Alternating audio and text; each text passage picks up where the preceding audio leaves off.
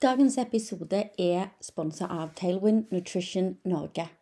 Dere får 15% rabatt med å bruke koden endorfiner, og koden varer ut 2023.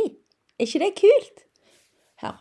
Dere må gå inn på Tailwind Nutrition Norge sin hjemmeside og sjekke ut energidrikka deres og restitusjonsdrikka.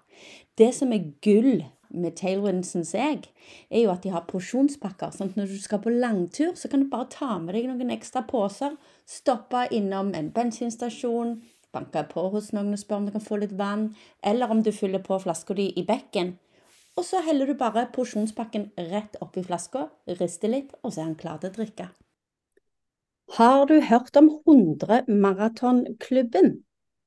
Den hadde ikke jeg hørt om før jeg fant uh, Sky is the limit 2015 på Instagram. Dette er jeg ville kalle henne maratondronninga. Vi har ei løpedronning, hun skal få lov å være løpedronning, men dette her er maratondronninga. For fire år siden så bestemte hun seg for å løpe 100 maraton før hun ble 40, og hun klarte det med god margin. Eh, det er ikke alle som er like tøffe som hun, det vil jeg nå si. Dette er ei dame som står på, vet hva hun vil, og hun går for det. Hun er 39 år, hun er fra Sjoa i Gudbrandsdalen. Hun bor i Oslo og jobber som sosionom. Og nå gleder jeg meg til å bli kjent med Isabel Årnes på ordentlig.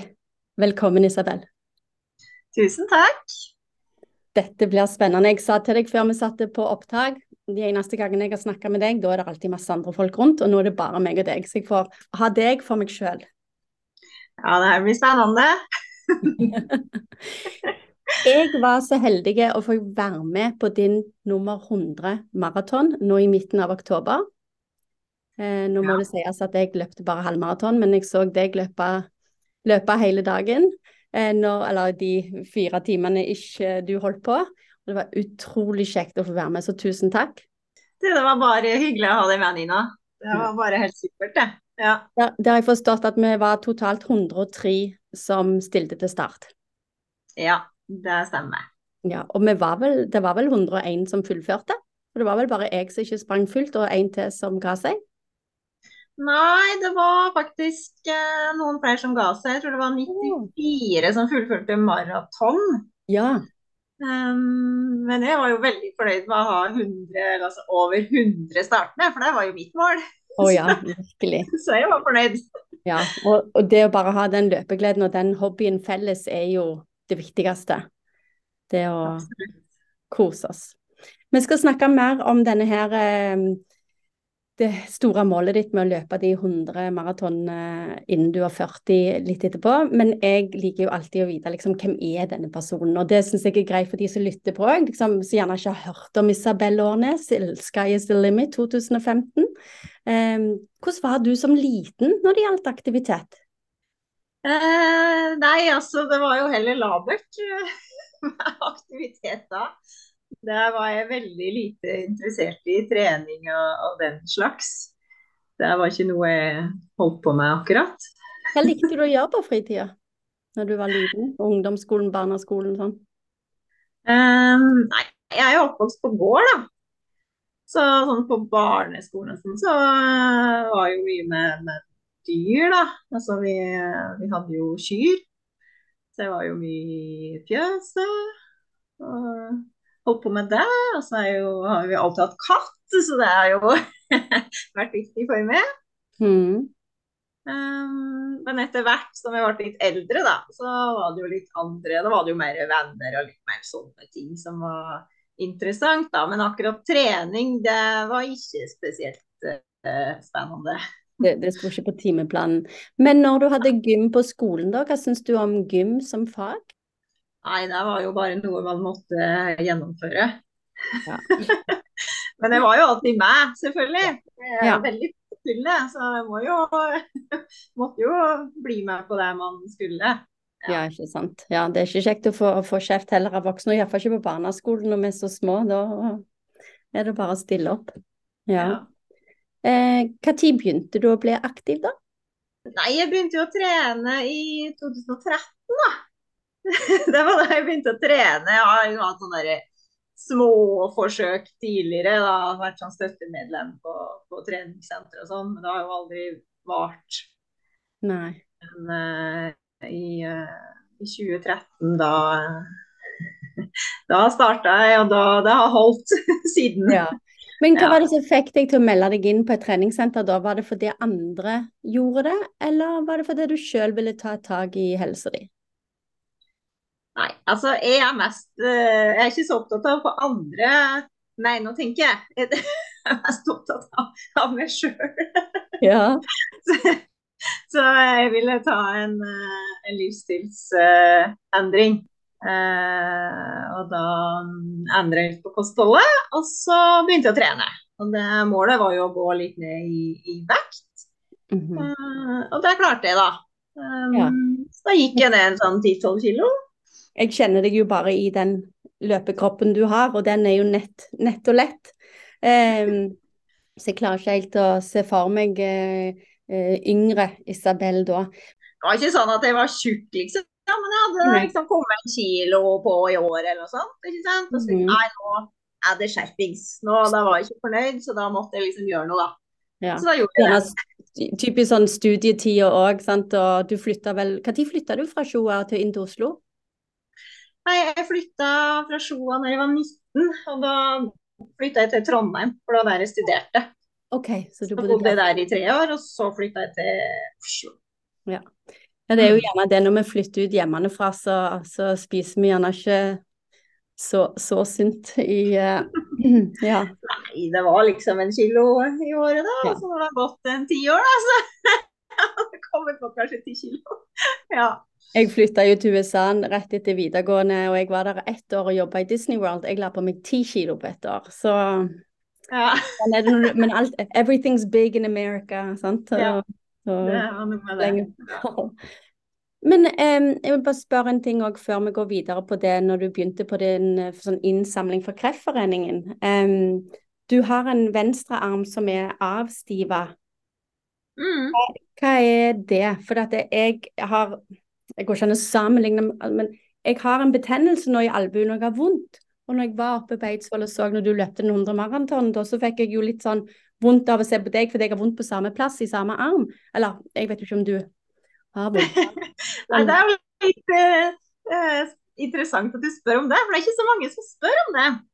Men det gjør jo meg ingenting at folk spør, for jeg er jo åpen. Så det er bedre at folk bare spør enn at de lurer.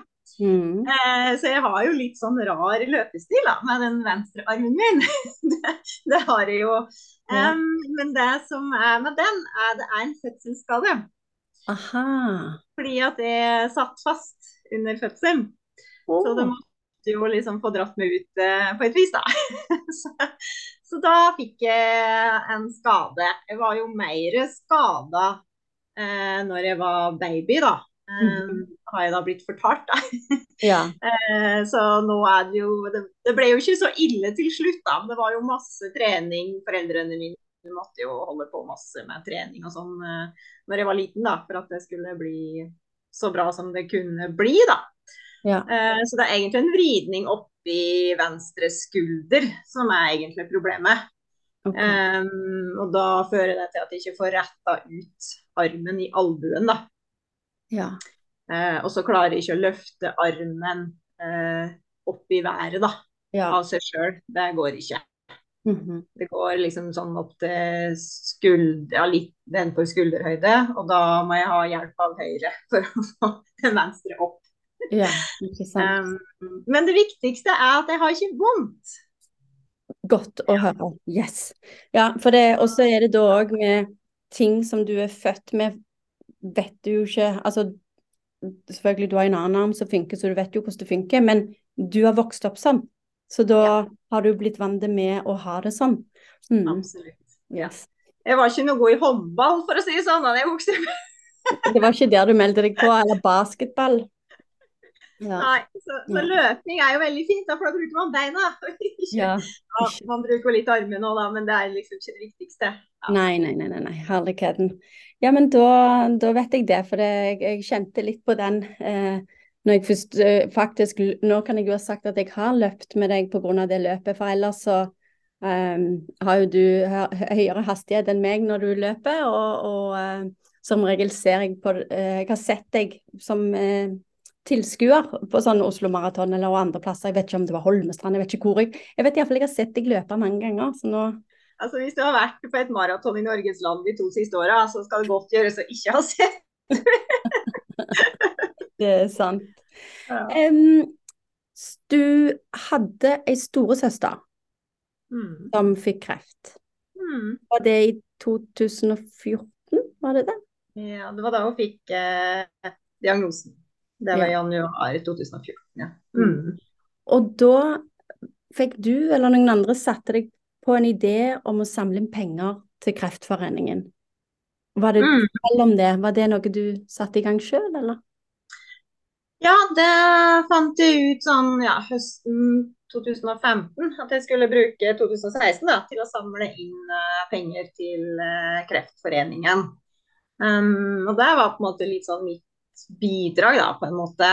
Uh, for jeg hadde jo ikke noe kunnskap eller erfaring med, med kreft før den ene søster Jeg har jo to søstre, da, så jeg har jo fortsatt en som lever. lever, som er eldre enn meg. Men dette var hun mellomste, da. Mhm. Eh, så da hadde jeg lyst til å på en måte ja, bidra da, med det jeg kunne, da, på et vis. Ja. Ja, når vi ikke kan fikse det, så er det jo et eller annet man har lyst til å, å vise at vi, vi er med. Mm, så fint. Ja, for det var jo at hun eh, eh, Hun levde jo med Hun hadde jo hjernesvulst, så hun levde jo med den diagnosen i, i flere år, da, og levde sånn forholdsvis normalt. Men hun kunne ikke bli frisk, da, for man kunne ikke operere den bort fordi den satt sånn til oppi hjernen at det, Ja. Så vi visste jo at hun skulle dø av det, men vi visste jo ikke når, da. Ja. Mm. Så da bestemte du deg for da å sykle du var, du var med på sykkelritt og skulle sykle 250 km, var det det? Eh, ja, altså prosjektet da eh, var jo at jeg skulle løpe 250 km, og så skulle jeg sykle 500 km i konkurranser da, i løpet av eh, 2016. Da. Og da skulle jeg samle inn penger, og da var det sånn at folk kunne gi um, Jeg hadde et Vipps-nummer, så kunne de vippse, eller de kunne gi inne på Kreftforeninga sin side, da, inne på min sak, da. Mhm. Så da hadde du vært med på noe sykkelritt og løpt en del før dette?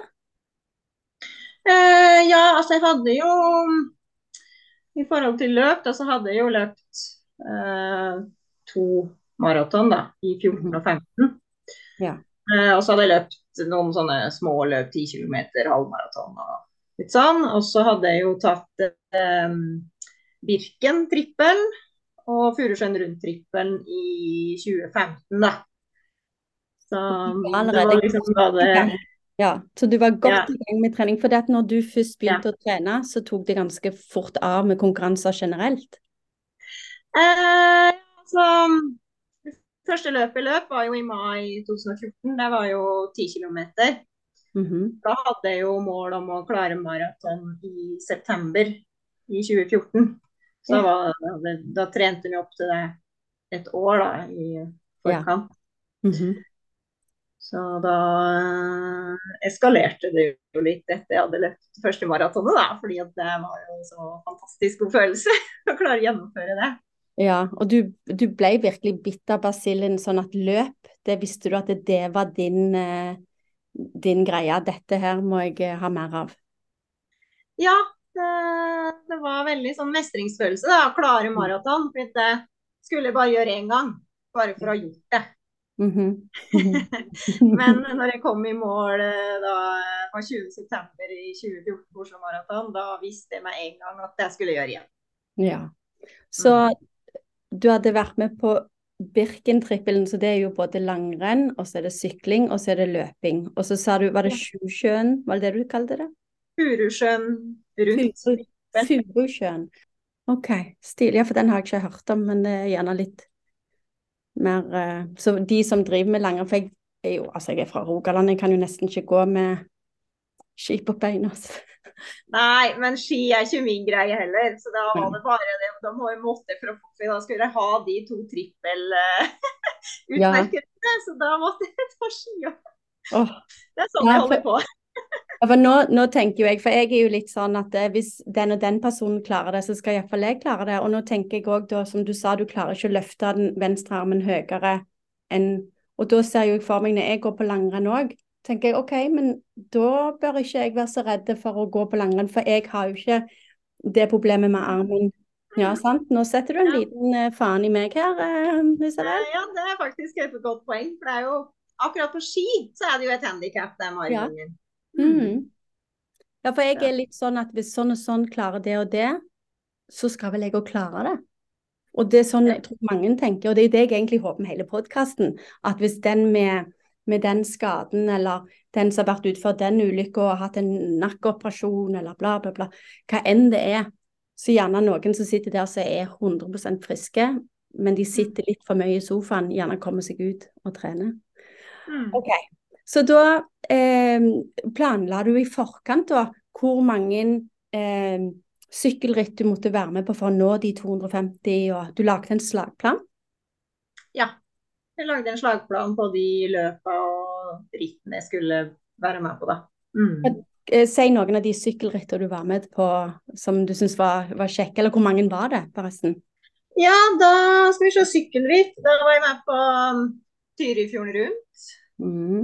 Og så sykla jeg halve styrkeprøven, altså halve Trondheim-Oslo. Det er da fra Kvam til Oslo. Mhm. Så jeg var på Kongerittet og BMC-rittet. BMC, den har jeg ikke hørt om. Nei, det som er litt morsomt med det, der er faktisk mål, da. Det er jo på Eidsvoll Verk skistadion, der jeg hadde løpet mitt. Så det er litt morsomt. Ja. Ja, ok, så det er òg et litt mindre ritt da, eller? Ja, jeg vet faktisk ikke om det er lenger. Okay. Jeg har liksom ikke oversikt over ritt lenger, for jeg har jo ikke sykla ritt eh, siden da. Ja, ikke sant. Og så var det da å um, Ja, det var sykle de, sykle de 500 km, sånn var det, ja, og så løpe de 250. Um, da var det blanding av 10 km. Var den maratonen inni der? Var det, eller det var det antall årstallet, gjerne? Ja, da var det jo både Det var da jeg begynte med ultraløp også, da. Ja. I 2016. mhm. Ja. Da var det både maraton, det var fem maraton og tre ultra og litt sånn andre småløp. Så resultatet var jo at jeg, jeg løp jo dob over dobbelt så langt da, som var planen. Du, du syntes det var så kjekt å være med på konkurranser. Ja, Så da løpte du litt lenger lengre. ja, så det ble jo over 500 km løp, da. Og så ble det jo eh, ja, litt mer sykling og ble over 500 der også. Mm. Og så hadde du et mål om å samle inn 10 000, men det òg ble mer, var det ikke så? Ja, det ble 40. 40 000. Åh, men det må ha vært så god følelse òg å, å være med og bidra til Kreftforeningen på den måten. Absolutt. Ja, det var gøy, det. Mm. Eh, Min eneste, eller jeg har en onkel eh, som fikk kreft, og da ville jeg bli blodgiver og beinmargsgiver, og så kom jeg på Ullevål og gikk gjennom alt greiene, men jeg fikk nei fordi jeg har altfor lavt blodtrykk og blodprosent. Ja. Og det var liksom det jeg ville være med å bidra med, da, men jeg kom ikke på den ideen at jeg kunne vært med sånn, så deg og samla inn masse penger på den måten. Mm. Men eh, det kan vi gi ideer til mange andre, og, og meg sjøl, til, til når vi har lyst til å være med og gjøre en ekstra god sak, i, annet enn å bare vippse. Mm. Mm. Du eh, bodde jo i eh, Oslo da, eh, på den tida, gjorde du ikke det? Da Ja. var du ferdig med studiene og hadde begynt å jobbe? Ja. Mm. Og så flytta du hjem til Sjoa eh, når søstera di ble dårligere og ville bo hjemme, var det ikke så? Ja, Um, det var jo på sommeren eh, 2020. Da, mm. da begynte hun jo å bli eh, eh, dårlig, da. Mm -hmm. um, sånn gradvis begynte å miste tid og sted. Og, og det var veldig ulikt henne. Hun var alltid sånn punktlig og presis og holdt alltid avtaler og, og til punkt og prikke. Men da begynte det å, å bli vanskelig. Så da skjønte vi jo at nå var det noe på, på gang, da. Mm. Um, og så fra august uh, 2020 så flytta jeg jo inn til henne da, i Gudbrandsdalen. Mm -hmm. uh, sammen med mamma og pappa og så andre søstera mi, da, som at Mhm. Men hun bodde alene, Så det var liksom ikke mann og masse unger og hunder og Eh, jo, altså, hun hadde jo tre barn. Ja, hun hadde det, ja. Ja. Ja da. Eh, tre barn og um, en eh, eksmann, da. Så de barna bodde jo 50-50 egentlig hos henne. Ja. Så de flytta jo til sin far, da, sånn Mm. fast. Og så flytta vi inn, da. Ja. Mm. OK. Så, Ja, for det var jo litt fint. Da kunne dere spise sammen og ha, ha dagene sammen istedenfor at hun gjerne glemte å spise, eller Ja. Ja, sånn. hun kunne, hun kunne ikke bo alene. Nei. Alternativet var altså institusjon, da. Men det Mm. var ikke noe alternativ eh, for meg. Hun skulle ikke på en institusjon, hun skulle få være hjemme. Det var Mm. veldig viktig at hun ikke skulle inn på en institusjon og være der de siste Mm. månedene av sitt liv. Ja, fikk dere fiksa sånn velferdspermisjon da, gjerne sånn at dere kunne bo der og ikke være på jobb og Ja, altså, jeg, jeg jobba jo 50 da. Å ja. Ja. Så hadde jeg pleiepenger.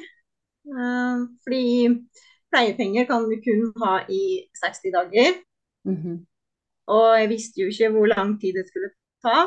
Eh, Og sykemelding fikk jeg jo ikke, for jeg var jo ikke syk. Ja. Eh, Så da jobba jeg 50% på hjemmekontor. Og så hadde jeg pleiepenger i 50 OK. Ja. um, Og de andre var jo Mamma og pappa var jo på jobb, for det var viktig for de. Men jeg var jo der hos henne 24-7, da. Så jeg Ja. hadde litt sånn hoved, hovedansvaret uh, hjemme der, da. Mm. Fattelig snilt og, og godt at uh, dere fikk uh, at dere fikk gjort det. Ja, det var jo Det var veldig tøft å stå i, og det var jo Det er veldig vanskelig liksom å se en som Ja, en av dine aller nærmeste mm, miste eh, en og en funksjon. Mm. Um, ja, og ble ukjennbar, liksom. Mm. Ja, jeg tror at hun visste uh, visste hvem hun var, hvem oss var, helt til liksom de siste dagene. Men hun måtte jo ha hjelp til alt, og til slutt så snakka hun ikke. Og hun var jo en som snakka masse. og ja. Så det Mm. var jo veldig tøft å, å se på. Det var det absolutt. Men uh, min største styrke er jo psyken min. Så har jeg bestemt meg for noe, så skal jeg gjennomføre. Og det var jo Ja. litt uh, også her, da, at jeg skulle klare at hun, å ta vare på henne til hun døde. Da det klarte jeg, da. Mm. Du er et godt menneske. Ja. Hvor, hvor mange måneder ble du boende? Nei, da var det jo fram til hun døde 12. desember, da. I, eh, i eh, 2020. Så det var fra august til desember, da. Ja. Og da, eh, Var det da den flytta jeg Da flytta jeg på en måte videre til mamma og pappa, da. Mhm. Ja. Mm. Var det i den perioden du satte deg det målet med at du skulle løpe 100 maraton før du ble 40? Nei, det hadde jeg bestemt eh, et år før. Det bestemte meg for i 19.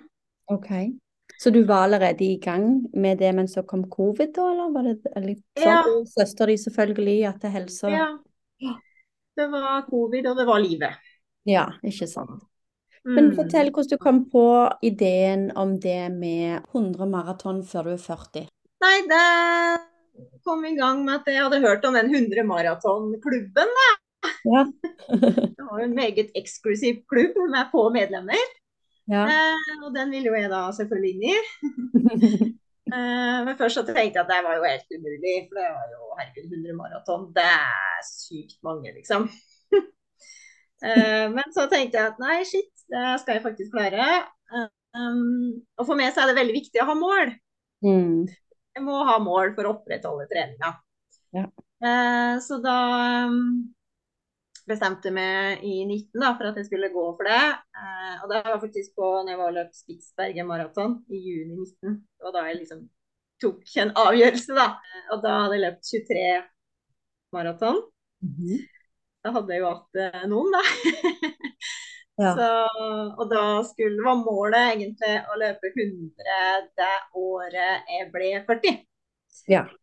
Altså i 2024 var egentlig målet. Um, men så gikk jo det raskt over til at det skulle skje før jeg ble 40. Var det fordi at du sjøl syntes det var så kjekt og du ville nå målet raskere, eller hva? ja, så var det litt sånn gøy å gjøre det før du blir 40, da. Ja.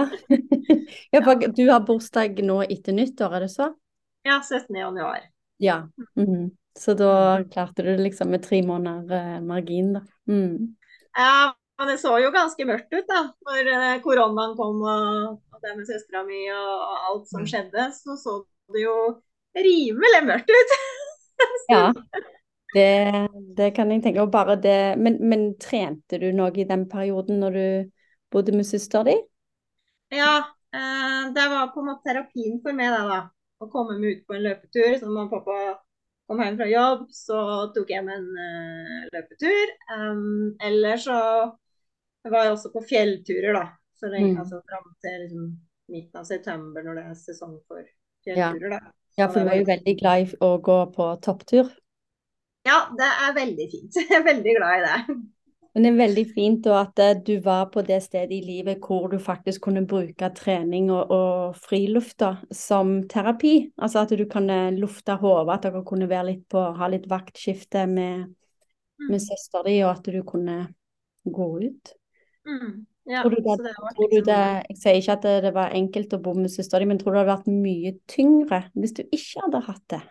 Hvis du ikke hadde opplevd at uh, det å løpe og gå ut i fjellet hjalp? Hadde du ja, Selvfølgelig vanskelig å si, men jeg tror at sånn jeg opplevde da, så var det veldig viktig. Det mm. hadde en god effekt på meg, da. At det var mm. liksom Fikk lufta litt tanker og fikk en pause da, fra alt det vanskelige og vonde. Mm. Følte du at du nesten ble eh, naturen kalla på deg, liksom? Sånn, kom ut, Isabel. Kom ut og løp. ja, kanskje fjellet, da. ja, gjerne fjellet. Ja. Men ehm, OK, så du hadde løpt 23 maratoner eh, når du bestemte deg, du var på Spitsbergen. Var det noen du traff på Spitsbergen som satte ideen, eller var det noe du allerede hadde gått og tenkt litt på? Jeg hadde tenkt eh, på det, og så ble jeg intervjua til Runners World, da. Så det var jo der jeg offentliggjorde det, da. Ja, så da, mm. da var det sagt. Mm. Ja.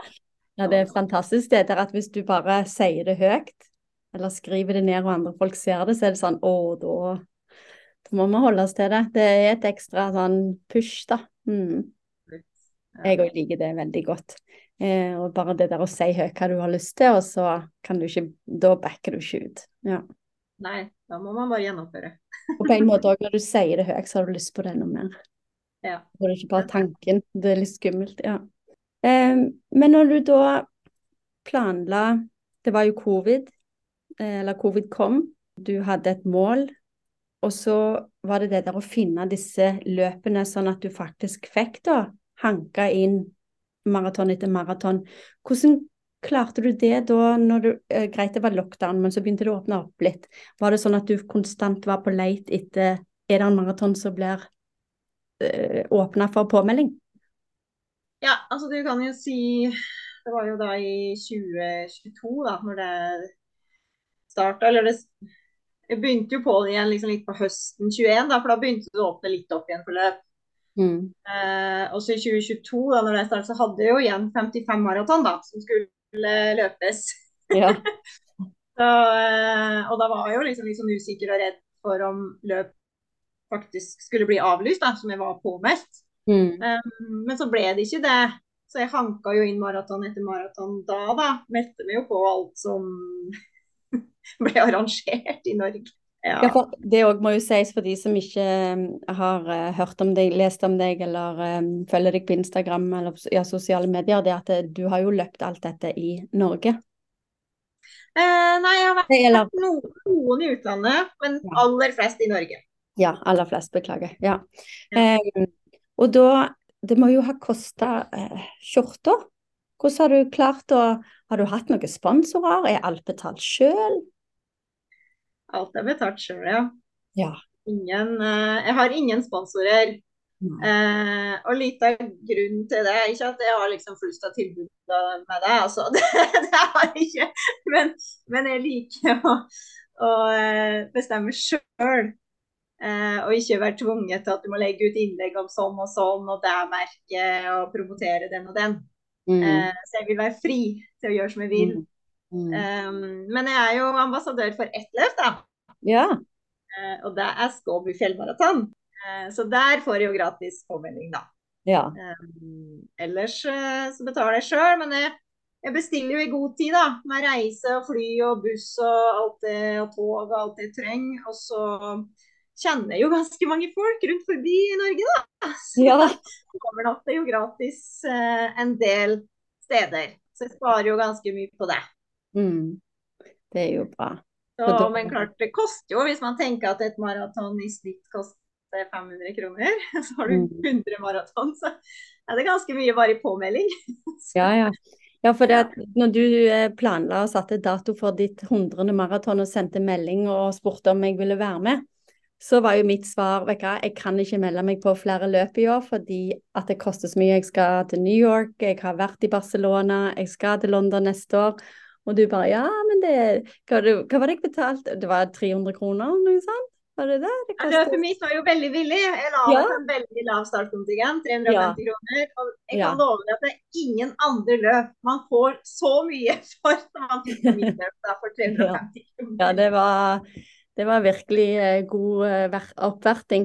Men eh, så, så tenkte jeg når det nærma seg, så var det bare sånn Å, herligheten. Altså, de pengene, det er Altså, det er så fort å bruke de samme pengene en annen plass, men har jeg virkelig vært eh, gnien og liksom valgt hva jeg skal være med på og ikke være med på for å spare til disse turene. Eh, men så tenkte jeg nei, vet du hva, jeg må være med på en så stor begivenhet. Jeg har aldri fulgt noen og føler jo i dette her eh, løpemiljøet så blir det jo til at du føler at du kjenner folk, enn om du gjerne bare har ordentlig snakket med dem én gang. Eller, men du, du ser hverdagen på Instagram, du ser highs and lows, og det så jeg, jeg kan ikke sitte en time vekke og bare se at det har skjedd på noen videoer. Mm. Så jeg er så glad for at det, da du faktisk hadde plass til, til mer folk. Det, det syns jeg var kult. Mm. Underveis når du holdt på å sanke alle disse maratonene, hvor tett ble noen av maratonene? Hadde du en måned som var helt spekka full? Var alle måneder fulle? Eh, Ble det uker som ble altfor travle? Hvordan klarte du Ja, hvordan ble det? Altså, det har jo vært stort sett uh, hver helg, da. Ja. I, uh, I 2022 og 2023. Fordi jeg har jo også løpt ultraløp. Ja, Ikke sant? Ja, det må vi ikke glemme. Du har, utenom å løpe 100 maratoner, hvor mange ultraløp er det du har løpt nå? Er det 30? Nei, 30? Jeg har 32 ultraløp. Og det må jo sies at du løpte jo allerede altså sist nå i helga, liksom. Etter du var ferdig med dine 100 maraton, så tok du helga etterpå og løpte en sekstimers. Ja. Men jeg er jo litt vant til å løpe maraton eller ultra hver helg. Ja, ja, ja. Så det er liksom bare å fortsette. Ja. ja. Liten reklamesnutt. Minne om 15% rabatt på tailwindnutrition.no. Bruk koden endorfiner, og koden varer ut 2023. Hurra! Nå tilbake igjen til episoden. Ja, så da, hvor mange eh, maratoner og ultra er det du har løpt eh, ja, etter covid, eller eh, liksom siste inns... Jeg kan ikke kalle det innspurt heller, for det er så store tall, men liksom, hva er tallene egentlig?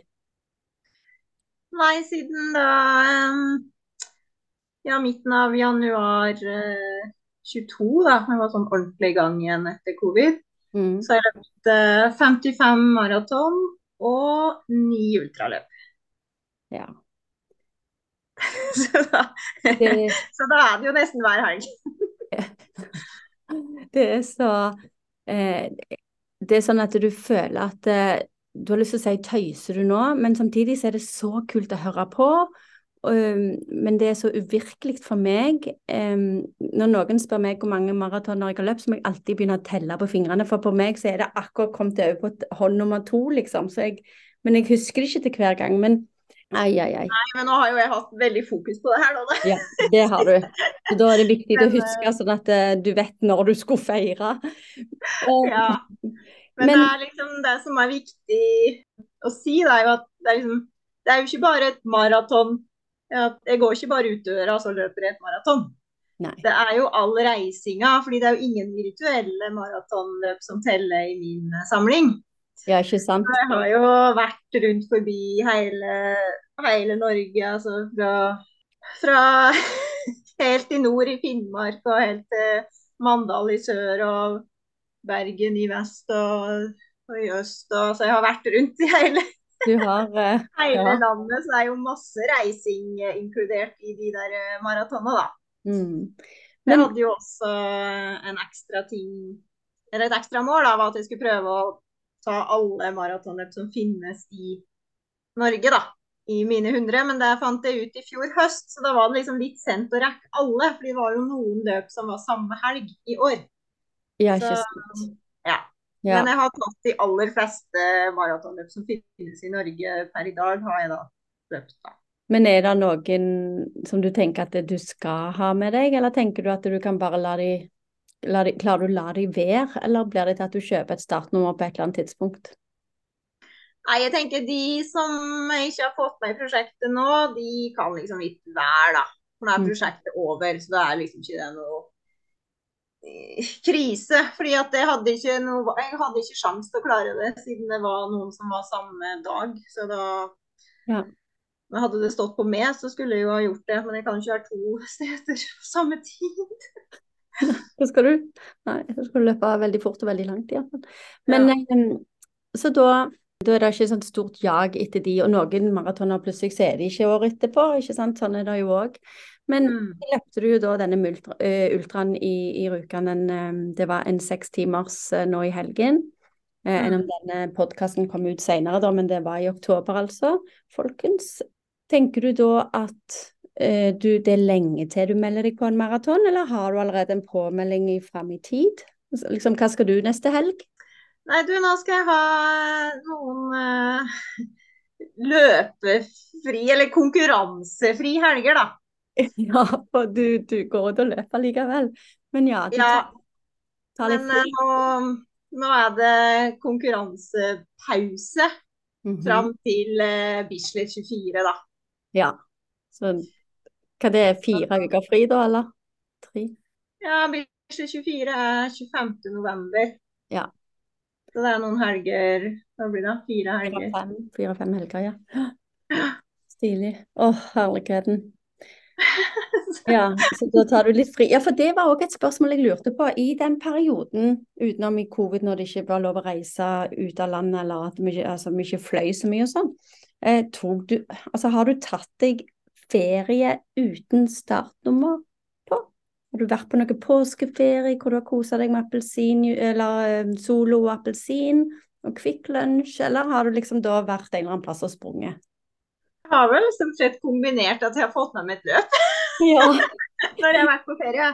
Ja, for du har liksom ikke hatt tid til å miste? Nei, men det der ferie for meg er jo at jeg gjør mest mulig på kortest mulig tid.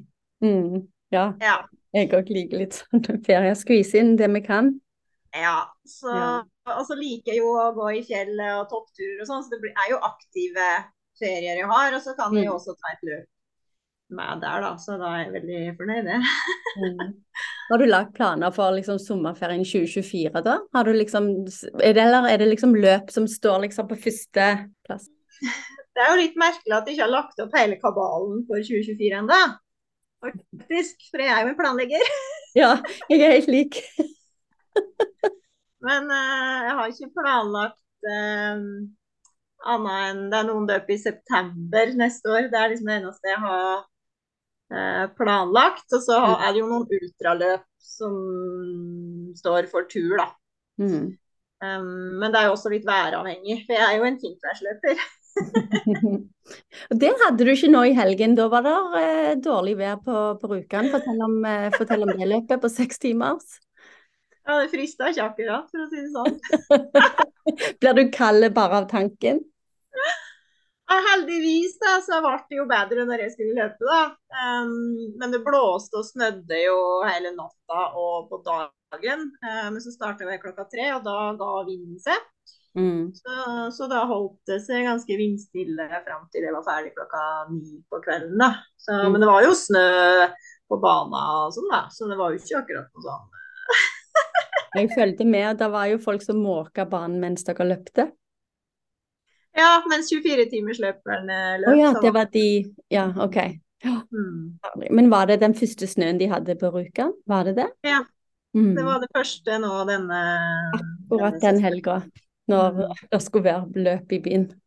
Ja, det var veldig synd. Men uh, ja, Men, men da lurer jeg òg på, eh, for et av de tingene jeg vil høre med deg, er, mister du motiv motivasjonen noen gang?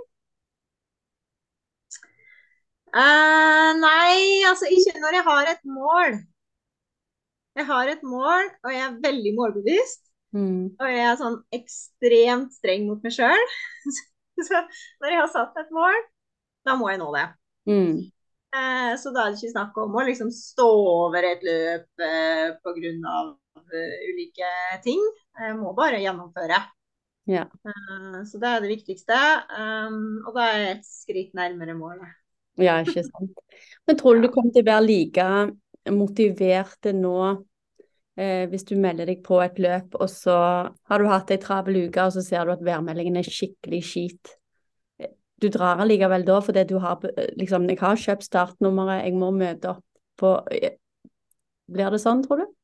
Så lenge jeg er påmeldt, ja. Da må jeg. Ja, jeg må det. Ja. kan ikke ha en DNS etter ditt start. Nei. Vet du hva, den oppe hos deg på Eidsvoll eh, Verk skistadion, det er min første did not finish. Oi, oi, oi. Ja. Men det er jo fordi at eh, jeg visste jo på forhånd at jeg skulle springe halvmaraton. Eh, men jeg ville være med. Ja, ja, så jeg brukte jo Det er den lengste det, Jeg har aldri sprunget en halvmaraton så sakte før, for jeg ville jo egentlig ikke gå av banen. Så- Nei, Det skjønner jeg godt, for der var det god stemning. Ja, der var det ordentlig god stemning. Og du sang i mikrofonen. Gir det deg motivasjon? Altså, for Synger du litt for deg sjøl når du springer òg, eller var det mye show for oss? Jeg synger mest for andre. Ja. Det er sikkert litt irritasjon for noen. ja. Du kan være den nye spikeren på Bislett 24, vet du. Altså, Egentlig så hadde jeg jo lyst til å være speaker selv på mitt eget løp, Ja, ja, ja. men jeg kunne jo ikke gjøre alt sjøl. Um, så, så derfor så bare tok jeg mikrofonen litt sånn i starten, da, og så løp jeg noen runder med den, sånn at jeg fikk sunget litt, da. Det var veldig gøy. Det, og det er så kult, du er så original. Vi skal liksom ikke kopiere andre, og vi skal være oss sjøl, og det syns jeg er så herlig. Ja, altså jeg gjør Altså jeg er veldig lite selvhøytidelig. Jeg gjør det jeg har lyst til. Og så Mm. er det helt sikkert noen som syns at jeg er helt eh, rar og. Ja, det er det helt sikkert. Men Da kan de bare gå og legge seg, mener jeg. For det er folk som ikke klarer å glede seg på andres vegne, de, eh, de kan gå og pynne seg sjøl. Men, eh, men for å svare det, da, så blir jeg veldig motivert av å heie på andre og synge til andre og liksom få andre fram, da. Mm. Eh, og så tenker noen herregud, hva er det hun der driver og fjåser med og synger og bruker krefter på der, liksom. Det er jo helt bortkasta. Mm. Men jeg syns det er bare gøy, da. Tulle og fjåse og bare lage et liv, da. Ja. Jeg òg liker Jeg kan være Hvis jeg er løp, Når jeg løper i Norge, så er det jo så mange norske som ikke heier på andre enn bare de de kjenner. Så Ja. av og til da så pleier jeg å klappe på de som heier, og si å, så flinke dere er som møtte opp her for å heie på oss, men kan dere heie på oss, da? liksom, kom Ja. igjen. Er helt enig. Ja. Ja. Jeg får sagt mye mens jeg løper forbi folk, for jeg løper så sakte, så det er jo bare herlig. Men, eh, nei, det er jo veldig, det er veldig hyggelig å bli heia på sånn, men sånn for min del altså, har jeg liksom den indre driven, da. Mm. Eh, har jeg bestemt meg, så kommer vi i mål uansett om jeg er mutters alene i timevis. Altså, jeg, jeg skal gjennomføre, liksom. Ja. Eh, men det er jo veldig hyggelig at folk eh, heier og, og lager Mm. liv og, og sånn, da. Men, men man må liksom ha den der indre driven, tenker jeg da. Eller det kommer jo an på hvor langt det er, da. Men som jeg nevnte i stad, så er liksom den psyken er min største styrke. Spesielt da i uh, ultraløp, da. ja, den hjelper godt. Har du noen mantraer du pleier å si da, når du, når du er sliten? Har du mantraer, eller tenker du bare jeg skal til mål, jeg? Sier du hold kjeft til deg sjøl, eller hva? Ja, jeg tenker Altså, jeg skal i mål. Det er ikke noe jeg, tenk, jeg tenker aldri at jeg skal gi meg. Mm. Den tanken kommer aldri. Jeg begynner aldri å tenke ja, men nå kan jeg gi meg, det er jo ikke så farlig. Nei, det tenker jeg aldri. Jeg skal alltid til mål. Men du er ikke redd for å gå underveis heller? Nei da, jeg gjør som jeg vil. Det er jo ikke noe som Ja, Hvis jeg vil gå, så går jeg. ja det er bra. Men så du, du trenger liksom ikke ha noen mantraer underveis, for det, du, du kommer aldri dit, eller? Nei, og så tenker jeg det er noen ganger jeg tenker at uh, altså det er vondt, da. At det er smerter. Eh, det er det jo. Men Mm. da tenker jeg at smerter er midlertidig. Det går over. Ja. Mm. Ja, det er det jeg òg tenker. Det er den der følelsen, mestringsfølelsen, den varer for alltid. Mm. Ja, og så ikke minst det der at eh, jeg har en kollega som bare sier du må huske det at når det er vondt, så må du bare skynde deg litt mer, for da kommer du fortere i mål, og så kan vondtene gå bort. Mm. Så den Ja. eh, har jeg tatt meg eh, litt i.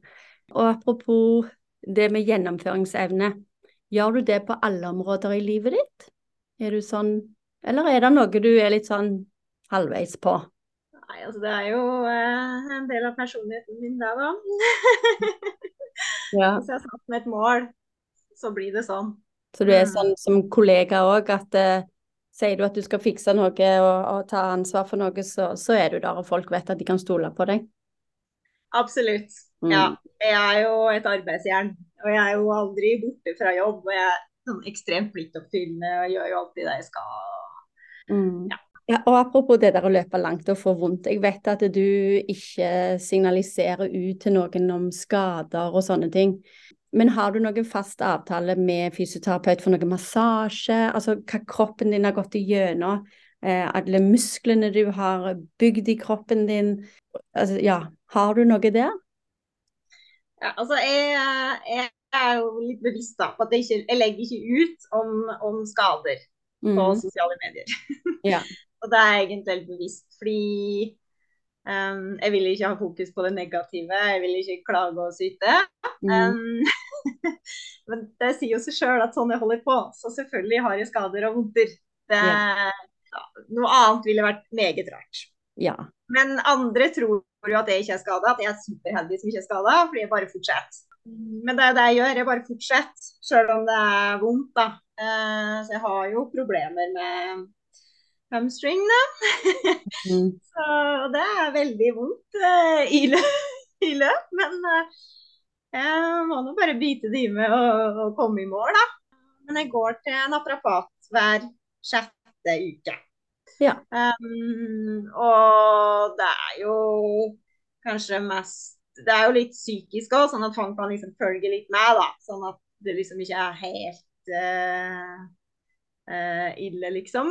Um, det er Jeg har veldig vondt noen ganger. ja.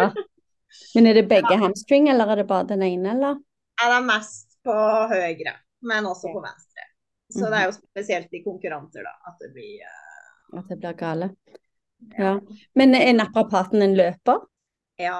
Ja, så det hjelper. Ja, det, det er bra. Det, ja. Det, Han er ultraløper. En av Norges beste ultraløpere. Å! Hvem Altså, det er jo mange Det er jo Didrik, Didrik Hermansen. Å! Det går jo Yes. sånn. Jeg visste ikke at han var naprapat. Jo da. Jeg trodde han bare løpte. Nei. Da, han jobber jobber også. Men, men det med, med vondter og, og skader, det vet gjerne familien din, eh, har, eller foreldrene dine, søster di. Er det noen av de som har sagt sånn Kan du ikke gi deg nå, Isabel? Har du, har du fått sånne, liksom? For det har til og med jeg gjort, og jeg har jo ikke løpt i nærheten av så mange kilometer eh, i de 16-17 åra jeg har løpt. Ja, altså det var jo mange sånn, spesielt når det var korona sånn da, så sa jo folk liksom, men er det så farlig liksom? Må du nå det der målet? Må du sånn, må du sånn? Det er jo Mm. ikke så farlig. Jo, men det er det for meg. Fordi når jeg har satt meg et mål, så må jeg gjennomføre. Ja. Um, men det er jo selvfølgelig folk som ikke løper sjøl. De skjønner jo ikke helt greia, liksom. Si sånn, ja, men hvis det er så vondt, hvorfor gjør du det her, liksom? Mm. Eh, og det er jo helt legitimt spørsmålet. Der skjønner jeg at folk liksom tenker herregud, gidd det der, liksom. Mm. Um, men det er så viktig for meg, da, å, å gjennomføre. Men um, jeg har jo veldig god støtte i foreldrene mine. De er jo liksom de viktigste i mitt liv, da, siden jeg ikke har uh, verken barn eller type. Så, så er det liksom mamma og pappa som er mine viktigste personer, da. Så de, de, kan jeg alltid ringe hvis det er noe. De er, liksom, de er alltid der for meg. Da. Er de eller har de vært løpere? Nei, nei, de har aldri, aldri holdt på med noe sånt. Sånn, men faderen er jo bonde, eller han har jo, han har jo vært ja. veldig aktiv sånn sett da, i, i, alle år, da. Ja, ja hatt fysisk arbeid. Mm. Ja. det er sterke, sterke folk. Eh, det der, både mamma og pappa er veldig arbeidsjern, så akkurat mm. det der det, er der du, det er der du har det fra, da. Ja. Men sant, det er liksom, for det har jeg liksom hørt, for det, mor mi er vokst opp på gård. Og det er gjerne sånn da at det, når du våkner en morgen, du har ikke et valg. Du må ut og gjøre jobben din, utføre døra di der du bor for, å, for at uh, dyra skal ha det godt, og for at du skal ha en jobb å gå til. Og, og da har jo du vokst opp i det miljøet at jobben må gjøres. Mm. Sant? Det er sånn som Anders Myhrvold òg sier, det jobben må gjøres. så, så, det der å eh, Det er gjerne der du har det, da. Gjennomføringsevnen. Ja, det har nok forma meg. Altså, det, jeg har jo blitt veldig forma de 19 første åra som jeg bodde hjemme. ja, det er sant. Ja. Um, men har, har, du hatt noen venner som har, har, du venner som ikke løper? Som har reagert litt på all fartinga rundt? Eller er alle vennene dine løpevenner? Du kan jo si at nettverket har jo endra seg, da, ikke sant. Sånn er det jo litt sånn i livet også, da, ettersom hvor man er.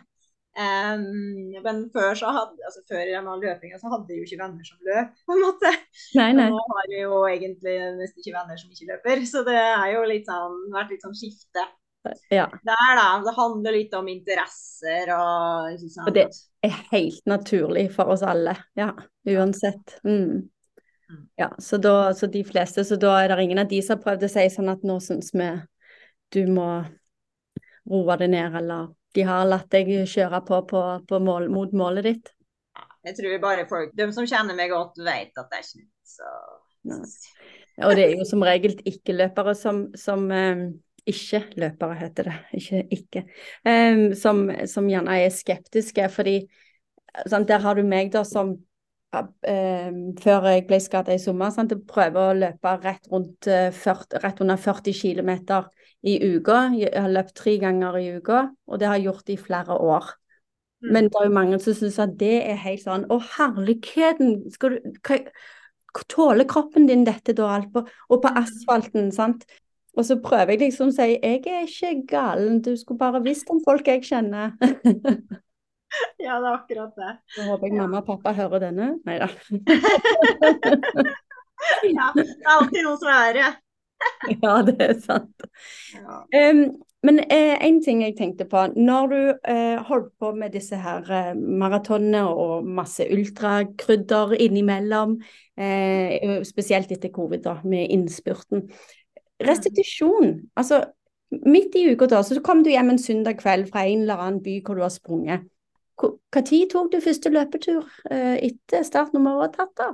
Nei, da er det ja, Det kommer jo litt an på om det har vært ultra eller maraton, da. Hvis det er ja. maraton, så kan jeg løpe igjen på mandag. Mandag-tirsdag. Men det er bare sånne korte Det er bare sånn 10-15 km som jeg løper da på trening to-tre ganger imellom, da. Løper du med klokka og følger, følger, du med på tracking der på restitusjon? Lytter du til den? Nei, nei. Jeg har bare på meg klokka når jeg løper, fordi at da får jeg logga kilometerne. Mm -hmm. Jeg har ikke på med den på natta og på jobb og sånn. Nei, det er bare med trening. Ja. Så du følger ikke med på hvordan restitusjonstimene teller ned, eh, body battery, hvordan var søvn? Nei? Nei, altså jeg ser sånne der eh, Sånne seriøse løpere, da.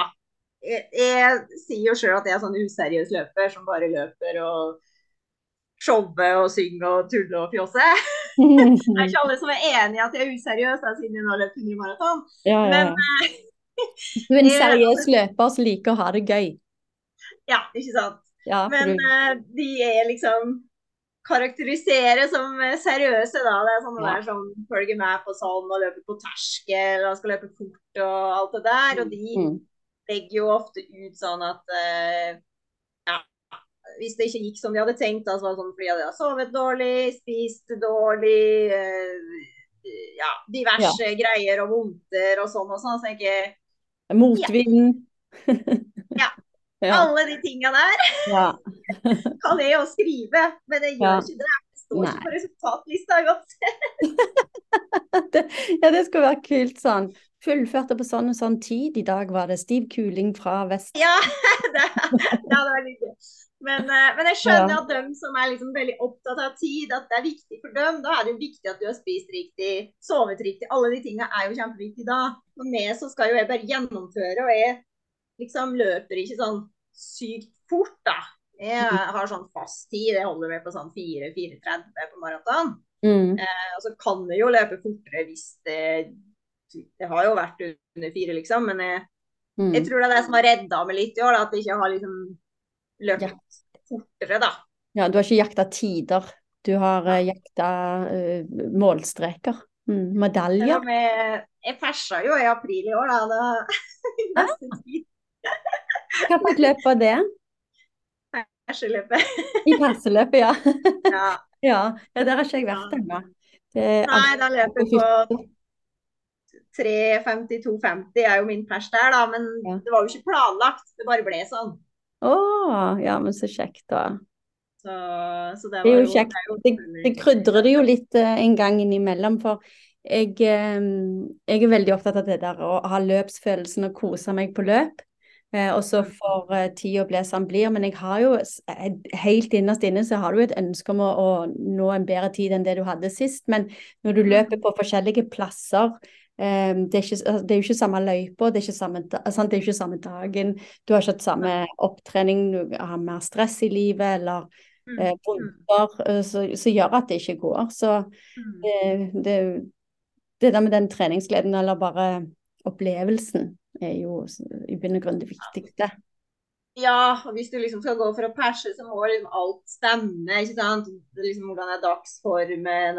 Da, da må du liksom ha hatt liksom, vært litt sånn seriøs, da. liksom Ja, opp og ned og alle de der tinga de seriøse driver med da. Ja, ja. ja.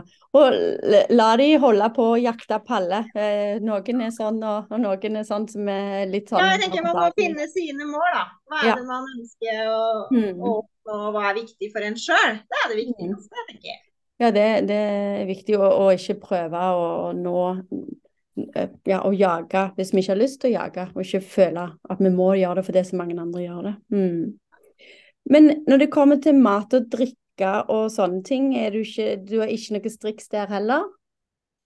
Altså, jeg, jeg spiser og drikker egentlig akkurat det jeg vil. Mhm.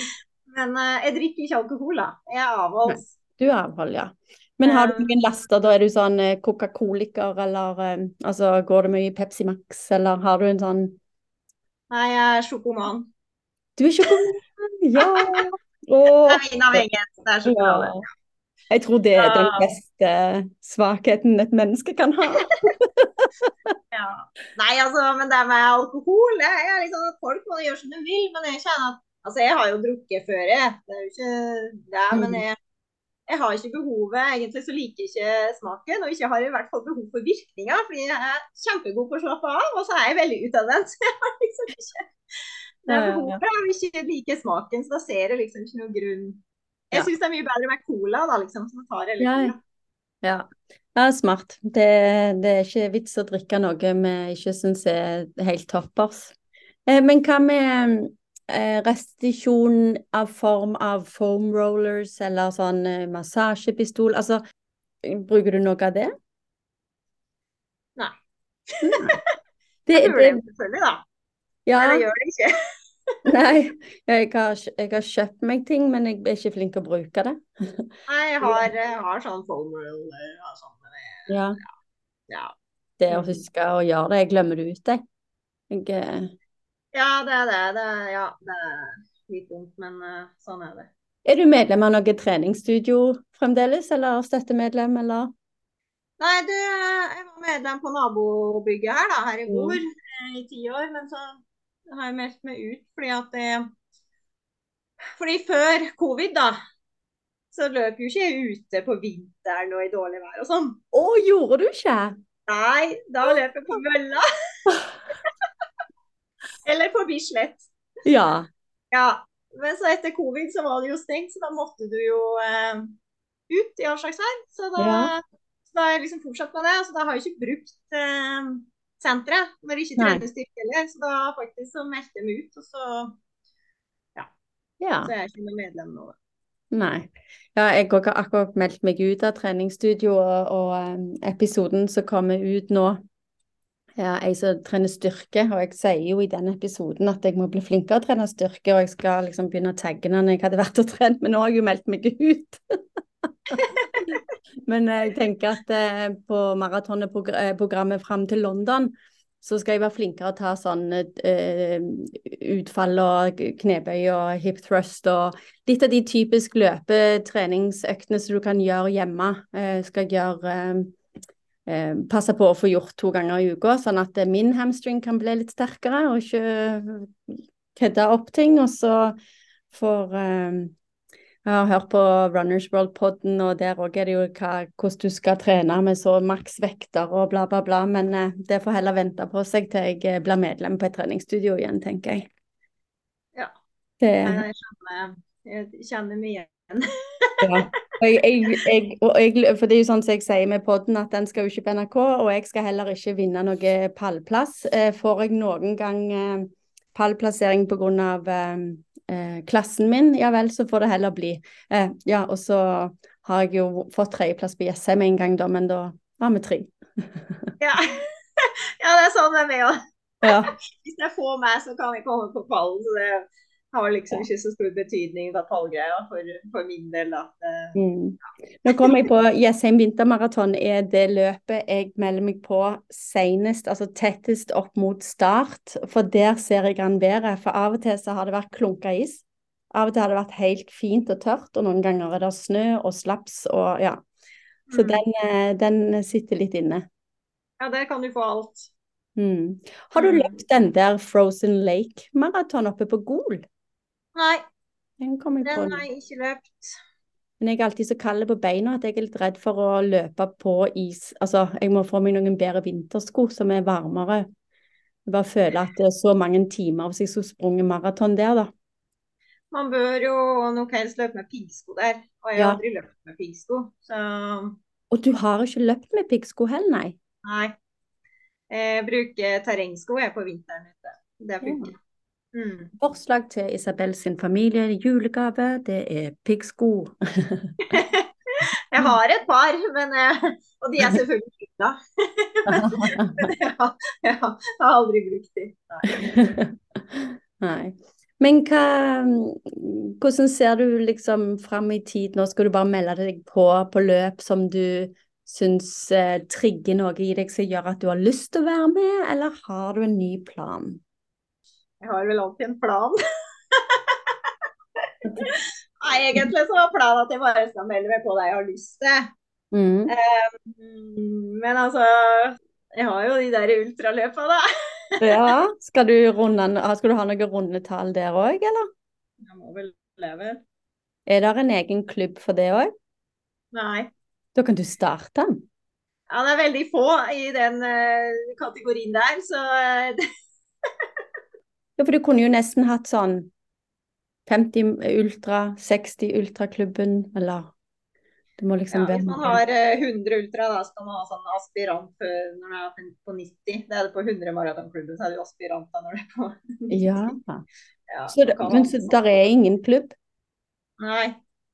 Men det er fordi at jeg vet, jeg vet bare om en annen som har 100 ultra. Da, er det noen som har 100 ultra? Ja, det er en i Norge som jeg vet om, i hvert fall.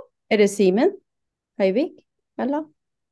Nei, det vet ikke hva han har, men Ragnar Nygaard har noe 100 ultra. Har han det, ja? Ragnar Nygaard. Yes. Men klart, det er jo strengere, jeg vet det. Jeg, Ja. jeg teller jo ingen dobbelt. Så, så for meg så jeg har jo flere har i hvert fall ti ultraløp som også er tellende maraton. Men det, Ja. for meg så er ikke det tellende, da. For det Mm. teller det er enten ultra eller maraton. Det teller ikke Ja. dobbelt. Men du kan tenke eh, sånn som 24 timers, det er en ultra.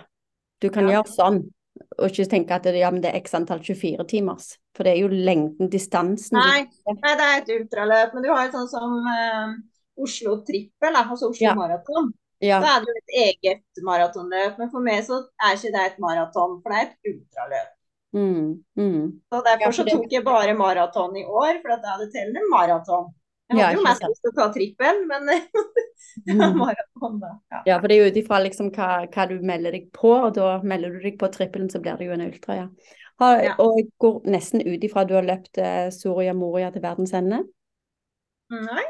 Har du ikke?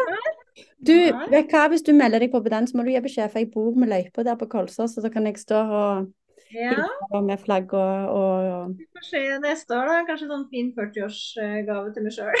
Ja, ja, ja. Jeg, men, Jeg har lyst til å få tatt det, men Ja. eh, men det jeg vet, er at meg og deg har samme ultra Altså din første utendørsultra er min første ultra. Det var Ecotrail 80. Ja. Stemmer det. Første, Ja. aller første var Bislett eh, 50, men Ja. utendørs er Eco 80, ja. Stemmer det. Ja. Jeg har gjort litt Mm. research. Notat, litt notater. Bare unngå det. Jeg vil ta deg langt tilbake i tid. Husker du din første løpetur når du fant ut at du skulle gjøre noe med helsa di? Uh, nei, det kan jeg faktisk ikke si at det gjør. Um, Start med tredemølla, trykke på knapper. Ja, det var nok på tredemølla, det var det helt sikkert. Ja. ja. Men eh, det var nok ikke lange, lange bitene løp, tenker jeg. Sånn ti minutter oppvarming fordi de på senteret sa at det var smart, kanskje? Ja, kanskje det. Det var sikkert det. Sånn oppvarming før jeg tok litt, eh, litt styrkeøvelser, tenker jeg. Mm. Hvordan Mm. lærte du, hvordan gikk du fram på treningssenteret? Fikk du en type sånn em, omvisning når du ble medlem, og så sa de du bør trene bla, bla, bla? Eller husker du? Nei, Jeg tror jeg bare fant ut av det sjøl. Jeg gir meg ganske kort, jeg fikser dette sjøl. Ja. Husker du hvordan du trente fram til ditt første løp, den 10 km-løpet som du var på? Eller bare gikk du ut døra? Nei, du gikk ikke ut døra, du var på mølla. Ja, på mølla. Ja. Eh, nei, altså, grunnen til at jeg tok det 10 km-løpet, var jo fordi at jeg hadde meldt meg på maraton som jeg skulle løpe i september. Og så ville jeg ta et 10 km-løp og et halvmaraton før maratonet. Ja. Eh, så jeg gjorde vel ikke noe sånt spesielt. eh, men 10 km, det var jo kuranta. For da, da løper jeg jo 10 km på, på mølla, liksom. Så det var jo ikke noe problem å klare den. OK, så du likte allerede å være på mølla lenge? Å løpe ei mil på mølla var helt OK? Eh, ja, eller så løper jeg jo intervalløkter, da. på Mhm. mølla. Fordi at eh, hvis jeg skal løpe intervaller i fri flyt, altså utendørs, så jukser jeg. For da, når det da blir tungt og pust, da, sånn, nei, da, da slakker jeg av. Så det, det, det funker ikke. Men hvis du står på mølla, så har du bare den, eh, den eh, tiden eller den eh, farten du har. Mm. Jeg slår jo ikke ned den, da må jeg jo bare fullføre. OK, så da fant jeg én ting som du ikke har gjennomføringsevne på, og det er intervaller ute. Iallfall før, da. Ja, det må det samme det. Da må det være i bakker. Ja, oh, ja. Bakker funker bedre. Ja. Mhm, ja. OK, så da eh, trente du deg opp til Hvor, hvor lang tid eh, gikk det Hadde du trent lenge på treningssenter før du var med på ditt første 10 km-løp? Nei, da var det Ja, det var jo over et år, da. Hvis jeg starta i Ja. januar året før, da, så løpet det først i mai. Mhm. Og så hvor lang tid gikk det fra 10 km til halvmaratonen, husker du det? Ja, da var det en måneds tid, for da var det i slutten av juni. Ja, Så du ble ikke skremt etter den 10 km? Hadde du et tempo sånn du kom i mål fornøyd og glad, eller var du sånn Nei, jeg husker ikke hva jeg løp på, egentlig. Det var, men uh... Men følelsen, husker du? følelsen var jo god, for det var jo mitt første løp. Ja, du var fornøyd, og du ble høy på livet. Ja, ja, det er alltid spesielt første, første gangen man gjennomfører noe. Mm. Mm. Og så den halvmaratonen, eh, hvor løp du den? Du, det var på den eh, Krokskogen. Å, halvmaraton. Ja, den har Mm. jeg òg løpt en gysla varm dag en gang. Ja, det er ikke noe lett løype. ja. Det er jo Men, mer på eh, grusveier og traktorveier og sti. Ikke så veldig teknisk, men uh, ikke teknisk. Nei, det er grus, men, men det er jo en del opp og ned, da. Ja. Mm. Og da hadde du øvd deg noe ute på sånt underlag i forkant, eller hadde du bare Ja, da løper jeg jo på eh, løper jo ute da, da. På Mm. asfalt. Ja. Så, Og så, så da var det en måned ca. mellom 10 km og halvmaraton, og så hvor lang tid var det da til maratonen? Da var det i september, så da var det så, juli, august, ja, to og en halv måned Mhm. cirka. Og- Mm. Du, etter Krokskogen halvmaraton, du ble ikke skremt og tenkte ho, dette var, dette var langt, skal jeg løpe dobbelt så langt? Eller? Nei. Den, den utfordringen tar jeg. Ja, jeg måtte jo det. Det var jo målet, da. Så da måtte jeg jo gjennomføre det, da. Hadde du noen venner med deg når du var og løpte, eller eh, var du påmeldt alene og møtte opp? På maratonet, Mm. ja, det løper jeg alene. Mm. Mm. Og halvmaratonet da, løpte du det med noen venner, eller? Eh, ja, da var jeg vel sammen med et par venninner. Tror det var den første gangen. Jeg løp det året etterpå også. Mhm. Ja, for det, det, det som jeg tenker på for lytterne sin del, sånn, så er det de som tenker ok, jeg har litt, jeg, har, jeg løper på et mølle, eller jeg har intervaller på treningssenteret mitt, eller jeg løper ute, Vi har aldri hatt et startnummer på. Det der med å tørre å møte opp alene, eller få med én, eller gjerne du bare vet om noen, det der å finne de før start, at det er ikke farlig. Det er ikke farlig. Og man blir fort kjent med folk hvis man vil det. Det er jo bare å snakke med de andre. Ja, for løpemiljøet er jo åpent og veldig hyggelig imøtekommende. Absolutt. Ja. Mm. Og når du eh, nærma deg denne her 100 maratonen, så hadde du vel blitt litt kjent med andre i den 100 maratonklubben underveis? For du hadde vel truffet noen på noen av løpene dine? Ja, Jeg er jo vant til å møte de. de det er stort sett menn, da. Ja. eh, som vi møter fra den klubben. For de er jo også rundt forbi overalt og løper maraton. Mm. Så, så de, eh, de har jeg møtt en del. Så de eh, Ja, jeg valgte jo å gjøre litt stas på de, da, på løpet mitt. ja. Kan du ikke Ja. fortelle om det? Det var så hyggelig. Ja. Um, nei, jeg hadde jo um, Det var jo tolv, inkludert meg selv, da, som uh, har løpt 100 maraton, som var på mitt løp. Ja.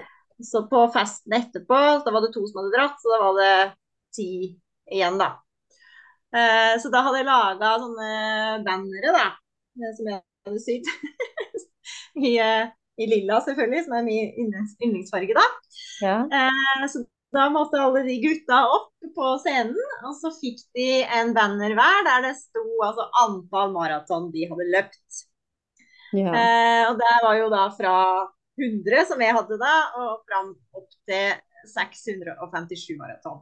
Eh, så da fikk alle de gutta en banner hver, og så måtte vi jo selvfølgelig ta gruppebilde. ja. Veldig hyggelig. Så alle de gutta der har jo møtt mye eh, Mm. de to siste åra på løp, da. Så et, Har du visst ja. på forkant at de skulle være med fordi dere har et eget, eh, holdt på å si, en gruppe på sosiale medier, eller var det bare sånn at du tilfeldigvis ble kjent med de på løpene? Nei, jeg har bare møtt de på løp. Ja. Det er derfor jeg har blitt kjent med de. Det er ikke en Ja. egen gruppe, sånn sett. Nei. Og det viser jo hvor sosial du er, for at du har truffet på så mange av de eh, og faktisk prata med dem. For mange hadde jo da gjerne ikke prata, men allikevel sett, gjerne kjent igjen litt fjes. Det Ja. mm, Nei, jeg tror de syns De er jo en del eldre enn meg, denne gjengen her, da. Så jeg tror de syns det er gøy at den unge dama her kommer og skravler og tuller og ja. lager litt liv, da. Ja. Det er veldig hyggelig. Jeg har en um, stående avtale med Harald, som er eldst, som var på festen din. Han, eh, Ja. så jeg og han skal òg ta en eh, innspilling som vi må få eh, satt en dato på, så det blir hyggelig. Hvor mange var det han hadde løpt igjen? For det husker jo du. Ja, han har Eh. løpt eh, 381 Ja.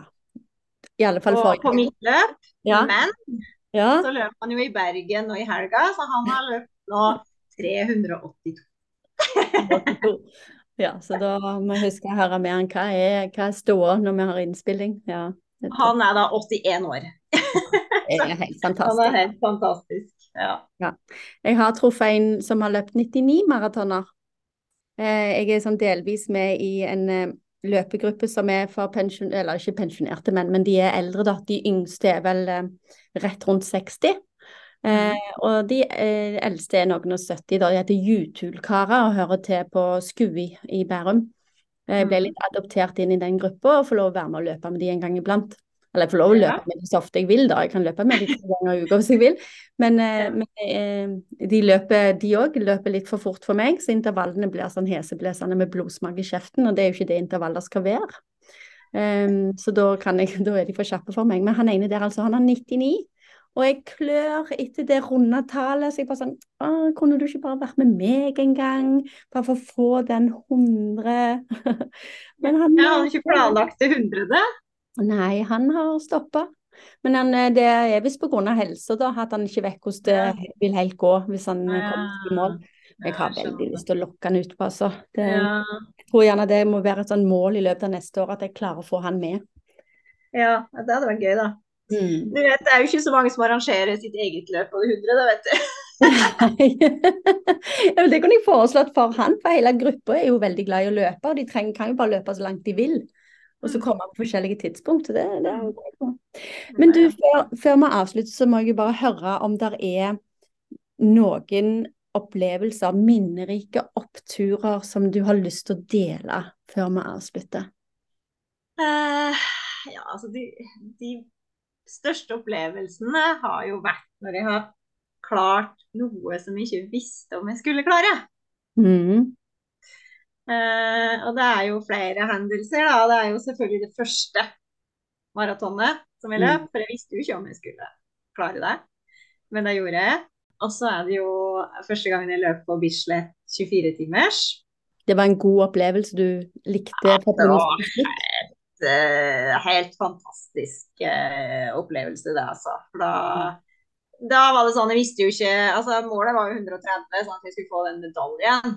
Eh, men så gikk jo det gikk jo over all forventning. Jeg bare storkosa med hele tida. Og, og, så liksom klarte jeg 100 miles, altså 161, og så stoppa jeg på 163, da, for da hadde jeg klart 300 runder, så da var jeg veldig fornøyd. jeg.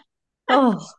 Så, så det var en veldig, eh, veldig spesiell og god opplevelse. mm. Eh, og så var det jo nå i sommer så løp Hornindal rundt Mhm. eh, maraton, som er et meget tøft maraton med masse høydemetere og flere topper som skulle forseres og sånn, da. Mm. Um, så da persa jeg jo på å bruke lengst tid på maraton. Ja, se der. Det går an å snu lista liksom opp ned. Ja da. Så da brukte jeg skulle ha 10 timer og 38 minutter, så det var veldig lenge. Men det var jo helt magisk vær, og det var så fint. Og jeg, men jeg visste jo ikke om jeg skulle klare det heller, da, med alle de høydemeterne og i terreng og, og sånn og sånn. Men det Men det var fin Gjorde jeg, natur, altså. så du fikk, eh, du fikk den boosten om å fortsette når det var fint vær og Ja, det var helt fantastisk. Det var sol, og det var Altså, det hadde ikke vært så fint vær på det løpet før som når jeg løp. Å, så herlig. Ja. Så, eh, og så er det jo selvfølgelig Største høydepunktet er jo da selvfølgelig mitt eget løp. Det, er- det, er- ja. det må jeg jo si. For Ja. det ble jo bare helt perfekt. Altså, jeg har ingenting å utsette. Altså, ja, det kom så mange. Det ble over 100 deltakere. Um, og til og med været var perfekt. ja. Uh, og liksom den medaljen jeg hadde laga, og liksom kakene, og den festen etterpå at det var så mange som var igjen. Og folk var jo virka som de var veldig fornøyd. Og altså, den dagen der, den Ja, det var liksom for meg så var det liksom sånn eh, bryllup og dåp og alt på en gang. Ja, ja, for jeg tenkte òg på det at det, det, var veldig mye folk inne i det klubbhuset. Eh, det var selvfølgelig mange på banen, og det var folk som var så på. Eh, og det, er, det, det, skal mye til å klare å samle så mye folk på en fest. Hvis det ikke er et bryllup eller en konfirmasjon med stor familie på begge sider. Eh, så det, det, det, er helt fantastisk. Var, altså, jeg, visste, jeg, trodde, altså, jeg visste ikke at det var så mange der, så når jeg kom opp etter at jeg hadde dusja og skifta, så kommer vi inn der, jeg bare Oi sann! Det er så mange her, ja! Og så var det så hyggelig. Liksom jeg kom inn der, jeg fikk stående applaus, og jeg bare Det var jo bare Nei, jeg ble helt rørt, jeg. Og ikke minst òg hvor mange som sa at hvis du går for 200 maraton, så vil de være med på fest igjen og på det løpet. så der, eh, hvis du skulle kjede deg en dag eh, og prøve å sette deg nye mål, så, så, vet du hva mange andre ønsker at du skal, skal gjøre, som alle kan heie deg fram og, ja, og være med altså, på. Det har jo, altså jeg er jo perfeksjonist, så jeg har jo jobba mye for at løpet skulle bli perfekt. Mm. Um, og det ble det jo òg, da. Men, ja, ja, det gikk på skinner. Du var fin. Ja, det var jo ingen tilfeldigheter. Hadde jo tenkt på alt, så mm. Utenom været, da, for det kan vi jo ikke styre. så, uh, nei, så det var bare helt uh, fantastisk. Det, mm. Jeg vil bare si ja. for lyttere, hvis dere har Instagram, dere må søke opp den uh, Skies uh, The Limit 2015, for dere får sett bildene. Og den kaka er helt fantastisk. Jeg håper konditoren har fått mye ros. Det var helt fantastisk.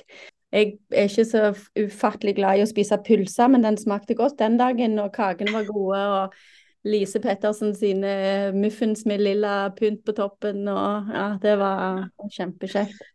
Lise vet at, det, at yndlingsfarga mi er lilla, så det selvfølgelig hadde hun ordna lilla glasur.